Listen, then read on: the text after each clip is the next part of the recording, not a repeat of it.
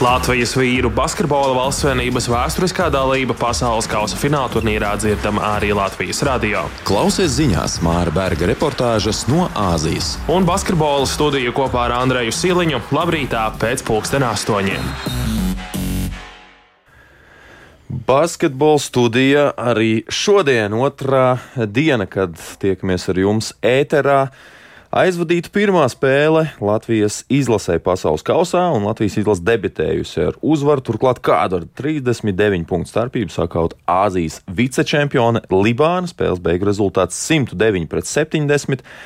Nu, Mačs ievads burtiski pāris pirmās minūtes bija mazliet sasaistīts no mūsu puses, bet tāds starta drudzis tika pārvarēts visai ātri. Labi prātām izmantot pārējais uzbrukumus, sodījām libāniešus par viņu pieļautajām kļūdām un visai ātri sasniedzām pārsvaru, kas rakstāms ar diviem cipariem. Pēc pirmās ceturdaļas desmit punktu pārsvars līdz lielajam puslaika pārtraukumam to izdevās palielināt līdz pat 25 punktiem, nu, un otrajā puslaikā arī mūsēji kāja no gāzes pedāļa nenoņēma, turpināja palielināt pārsvaru un maču beigās Spēles rezultātu tablo vēstīja 39 punktu pārsvaru. Laukumā izgāja visi 12 Latvijas izlases spēlētāji, un 11 no viņiem arī guva punktus. Treneris Luka Banki varēja turpināt līdzinējā pārbaudas spēļu ritmā, nenoslogot līderus ar lielām minūtēm. Andrejs Gražuls nospēlēja 27, Artūrs Žagars 24, bet neviens cits no pāriem desmit spēlētājiem, kur devās laukumā, nebija turpat 20 pilnas spēles minūtes. Kapteinis Dairis Bērtāns trāpīja 6 no 7 izmestajiem trīspunktu metieniem, un 6 trejači ir jauns personiskais rekords vienā spēlē trāpītajos tālmtienos Dairim izlases rindās, un arī 4. labākais Latvijas izlases vēsturē kopumā. No aktīviem izlases spēlētājiem labāk ir veicies tikai viņa brālim Dāvim Bērtānam, kurš 2017. gada Eiropas čempionāta finālā, atvainojos, fināla turnīrā pret Lielbritāniju iemeta septiņus trīniekus. Un, un eh, šoreiz Dairim 6. Kopumā Dairis guva 20 punktus un tādējādi bija rezultātīvākais komandas spēlētājs. Un tieši viņa komentāru pēc mača arī varam tagad paklausīties.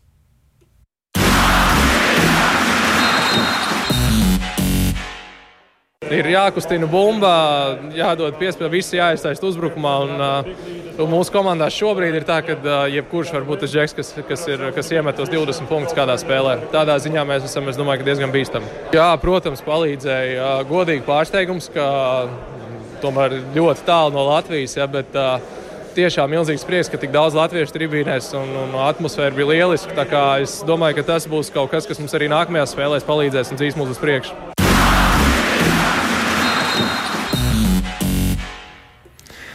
Un tieši Dairi pēc mača uzteica arī mūsu izlases galvenais treneris Luka Banki, atminoties, kā viņš iepazinies ar vecāko no brāļiem Bērtāniem.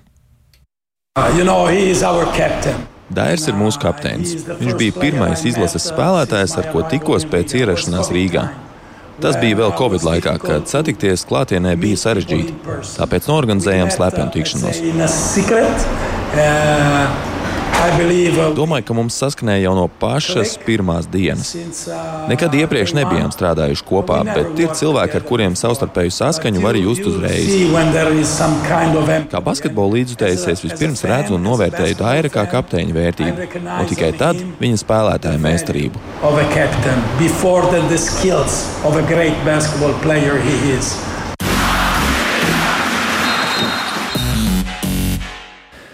Nu, tā tad Dairis trāpīja 6 tālmetienus, bet Latvijas komanda kopumā 18 no 35 izmestajiem, un 18 trīnieki ir 4.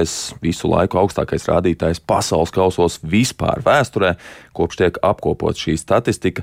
Nu, ja vēl par individuālo statistiku, tad Rolands Šmits eh, laukumā pavadīja 17 minūtes, un šajā laikā demonstrēja ļoti produktīvu sniegumu, 17 punktus, 7 atlikušās bumbas. Karjeras rekords savukārt eh, rezultātīvajās piespēlēs vienā mačā Arturam Žagaram, mūsu jaunais saspēles vadītājs, asistēja komandas biedriem punktu gūšanā 11 reižu.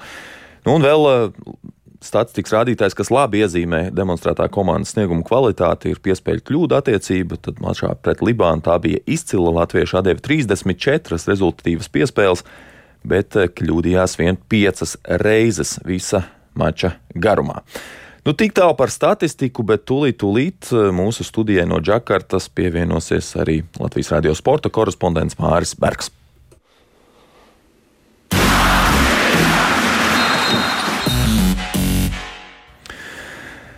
Māri, ja tu būtu Rīgā, es tev droši vien teiktu labrīt, tā kā es to daru visiem mūsu klausītājiem, bet Džakartā jau klāt pusdienlaiks, tad man jājautā tev droši vien, kas šodien pusdienās. Sveiks, Andrej, sveicināti klausītāji. Par pusdienām es patiesībā vēl nedomāju. Pietiekami daudz darba, kas ir jāizdara šodien radio ēterā, un arī vēlās brokastis ne, neveicina domāšanu par pusdienām šajā rītā. Jā, iepriekš eh, jau stāstīju mums klausītājiem par lielo uzvaru, par brīnišķīgo statistiku, un tas viss droši vien varētu radīt tādu nedaudz eiforisku noskaņu. Bet kāds bija komandas noskaņojums pēc uzvaras par Libānu, kā um, spēlētāji, kā, kā treneri um, reaģēja uz to, kas notika laukumā? Spēlētāji pilnīgi noteikti, protams, bija priecīgi par parādīto sniegumu. Tā tomēr bija laba spēle, kvalitatīva spēle, daudz brīvu metienu, kas arī tika raidīti grozā. Spēlētāji bija priecīgi, bet uh, visi ļoti labi apzinās, ka Libāna ir nomināli vājākā šīs grupas komanda. Tas arī pierādījās laukumā. Un skaidrs, ka Francija, Kanāda tās ir pilnīgi cita līmeņa izlases. Tās to arī parādīja vēlāk vakarā savstarpējā spēlē. Līdz ar to Luka Banki, komandas galvenais treneris, īpaši uzsvēra, mēs tagad ejam citā dimensijā. Francija un pēc tam Kanāda. Tas būs pilnīgi cits basketbols, citi augumi, cits atletiskums, fiziskais spēks. To pašu kanādiešu, kādu viņi bumbas spied, izdarīja spiedienu uz bumbu vakar pret Franciju. Vienkārši fenomenāli. Tā, kā izteicās Vinsāns Kolē, Francijas galvenais treneris, pat amerikāņi nespēlē tik agresīvu aizsardzību viens pret vienu. Līdz ar to paliks tikai grūtāk. Un šī bija tāda, nu, tāda iesildīšanās treniņš spēles apstākļos, teiksim tā. Jā, nu, spēlētāji, treneris, visi joprojām ar abām kājām uz zemes, eh, lai līdzutēji nedzīvot mākoņos, tad droši vien jāpieskars arī tām lietām, kas varēja būt labākas arī šajā pirmajā spēlē pret Libānu. Un te droši vien tas pirmais, kas krita acīs, bija cīņa par bumbām, īpaši pie sava groza un īpaši pašā spēles sākumā. Tur pirmajās 12 minūtēs mēs ļāvām Libānai tikt pie septiņiem, septiņiem otrajiem uzbrukumiem, jeb septiņām uzbrukumu bumbām. Un, Un, eh, vai kāds spēlētājs vai treneris savos komentāros pēc spēles arī to, to akcentēja?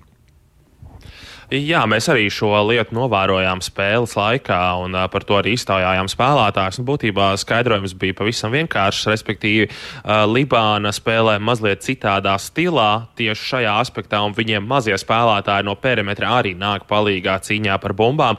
Un, tur otrajā puslaikā tātad mūsējie bija veikuši nelielas taktiskās izmaiņas tajā, kā tiek sadalītas atlikušās bumbas un cīņa par tām.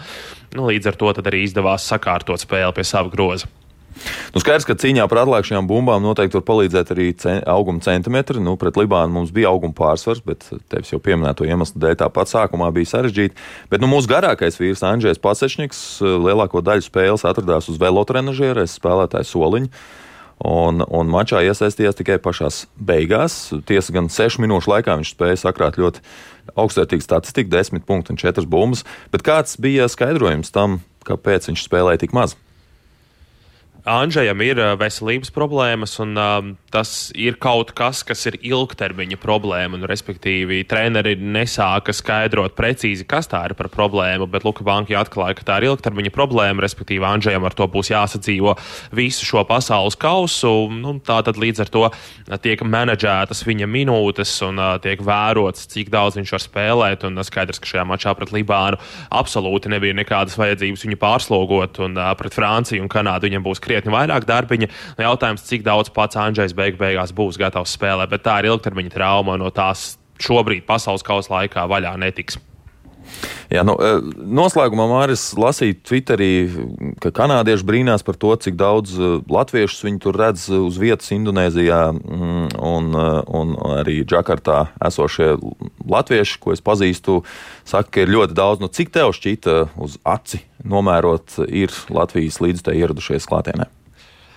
Ir diezgan daudz latviešu patiesībā, jā, ir diezgan daudz, un gribētos teikt, ka 2000 tiešām varētu būt. Arī paši spēlētāji pēc spēles izteicās, ka ir pat mazliet pārsteigti, ka ir tik daudz skatītāju atbraukuši. Tomēr, ņemsim vērā, ir milzīgs attālums tieši geogrāfiski, un arī lidmašīnas biļetes neko lētas nebija, lai atlidotu šejieni. Varianti, kā atlidot, bija daudz, taču biļetes gan bija diezgan padārgas. Tāpēc spēlētāji, protams, priecājas, ka fani ir daudz. Un, uh, kas attiecas uz kanādiešiem, jā, tāds iespējas varēja rasties tieši dienas pirmajā spēlē Latvijas-Libānas mača laikā, jo tad tiešām arēnas gaitiņos nu, absolūti nospiedošs pārsvars latviešiem, visur sarkanbalts, sarkanie krekli. Fani arī vispār ne tikai ar izlases krekliem bija ieradušies, bet arī dažādos radošos veidos bija izpaudušies, demonstrējot Latvijas krāsas um, savos apģērbos. Līdz ar to, jā, protams, tāds iespējas varēja rasties uh, arēnā, esot, ka tur ir tikai latvieši. Paldies, tev, Māri. Noteikti atrod laiku arī pusdienām un varbūt kādai indonēziešu maltītei, par ko mums varētu pastāstīt kādā no nākamajām reizēm. Kad... Es tev varu pastāstīt, Pastāst. asēdiens. Asēdiens, tas ir ļoti daudz rīsi, ir pieejams nūdeles. Mums, starp citu, arī mēdīju centrā arēnā tiek reklamētas indonēziešu nūdeles, bet eh, līdz tam es vēl pagaidām neesmu ticis. Man eh, no nūdelēm joprojām ir trauma pēc, pēc Tokijas Olimpiskajām spēlēm. Es to joprojām neesmu pārdzīvojis. Bet uh, rīsi daudz diezgan asēdienu. Pat ja tu pasaki netaisīt asu, Tik un tā tas būs diezgan, diezgan ass. Nu, šeit, protams, ļoti labi jūtas cilvēki, kas ir asu ēdienu cienītāji. Jā. Bet nu, kas tieši un kā tas saucas, to es tev gan nemācīšu izstāstīt. Vienkārši kaut kas tiek sataisīts, izskatās ēdams, to arī ēdam. tas, tas uzdevums nākamajām reizēm. Paldies tev! Tiekamies jau rītdien, kad lūkosim vairāk pētīt mūsu nākamo pretinieci Franciju.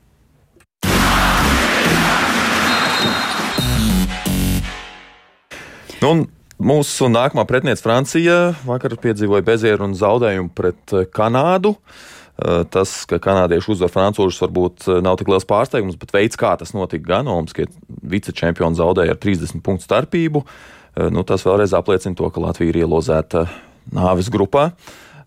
Francijas līderis Evans Furnē gan mierināja savus valsts līdzutējus pēc spēles, sakot, ka Francijas komanda tāpat ir lieliska un galvenais uzdevums tagad ir uzvarēt Latviju.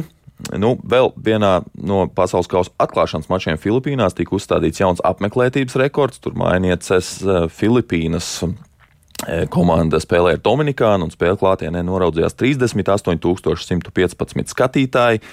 Iepriekšējais rekords 94. gada pasaules kausa finālspēlē starp ASV un Krieviju bija 32,616 skatītāji. Nu, man ir aizdoms, ka arī nulkā uzstādītais jaunais rekords tiks pārspēts jau šī čempionāta laikā, jo filipīniešu mīlestība pret uh, grozbumbu spēli ir, ir pasaules slavena. Un, un līdz ko amerikāņi spēlēs lielajā 55,000 vietīgajā arēnā, tad šis rekords atkal varētu krist. Nu, vēl noteikti jāpiezīmē, ka mūsu kaimiņiene Lietuva ļoti viegli tik galā ar Eģipti, svinot panākumu ar 26 punktu pārsvaru. Šodien turnīru uzsāks eh, vēl 16 komandas, un tostarp arī galvenie favorīti - Amerikas Savienotās valstis, kas eh, tiksies ar Jaunzēlandi. Savukārt mēs ar jums tiksimies jau rītdien no rīta, kad iezīmēsim to, kas gaidāms nākamajā Latvijas izlases spēlē - Svētdien pret Franciju. Pagaidām, paldies un tiekamies rīt! Latvijas vīru basketbola valstsvienības vēsturiskā dalība pasaules kausa fināla turnīrā dzirdama arī Latvijas radio. Klausies ziņās Māra Berga reportāžas no Āzijas. Un basketbola studiju kopā ar Andreju Siliņu labrītā pēc pulksten astoņiem.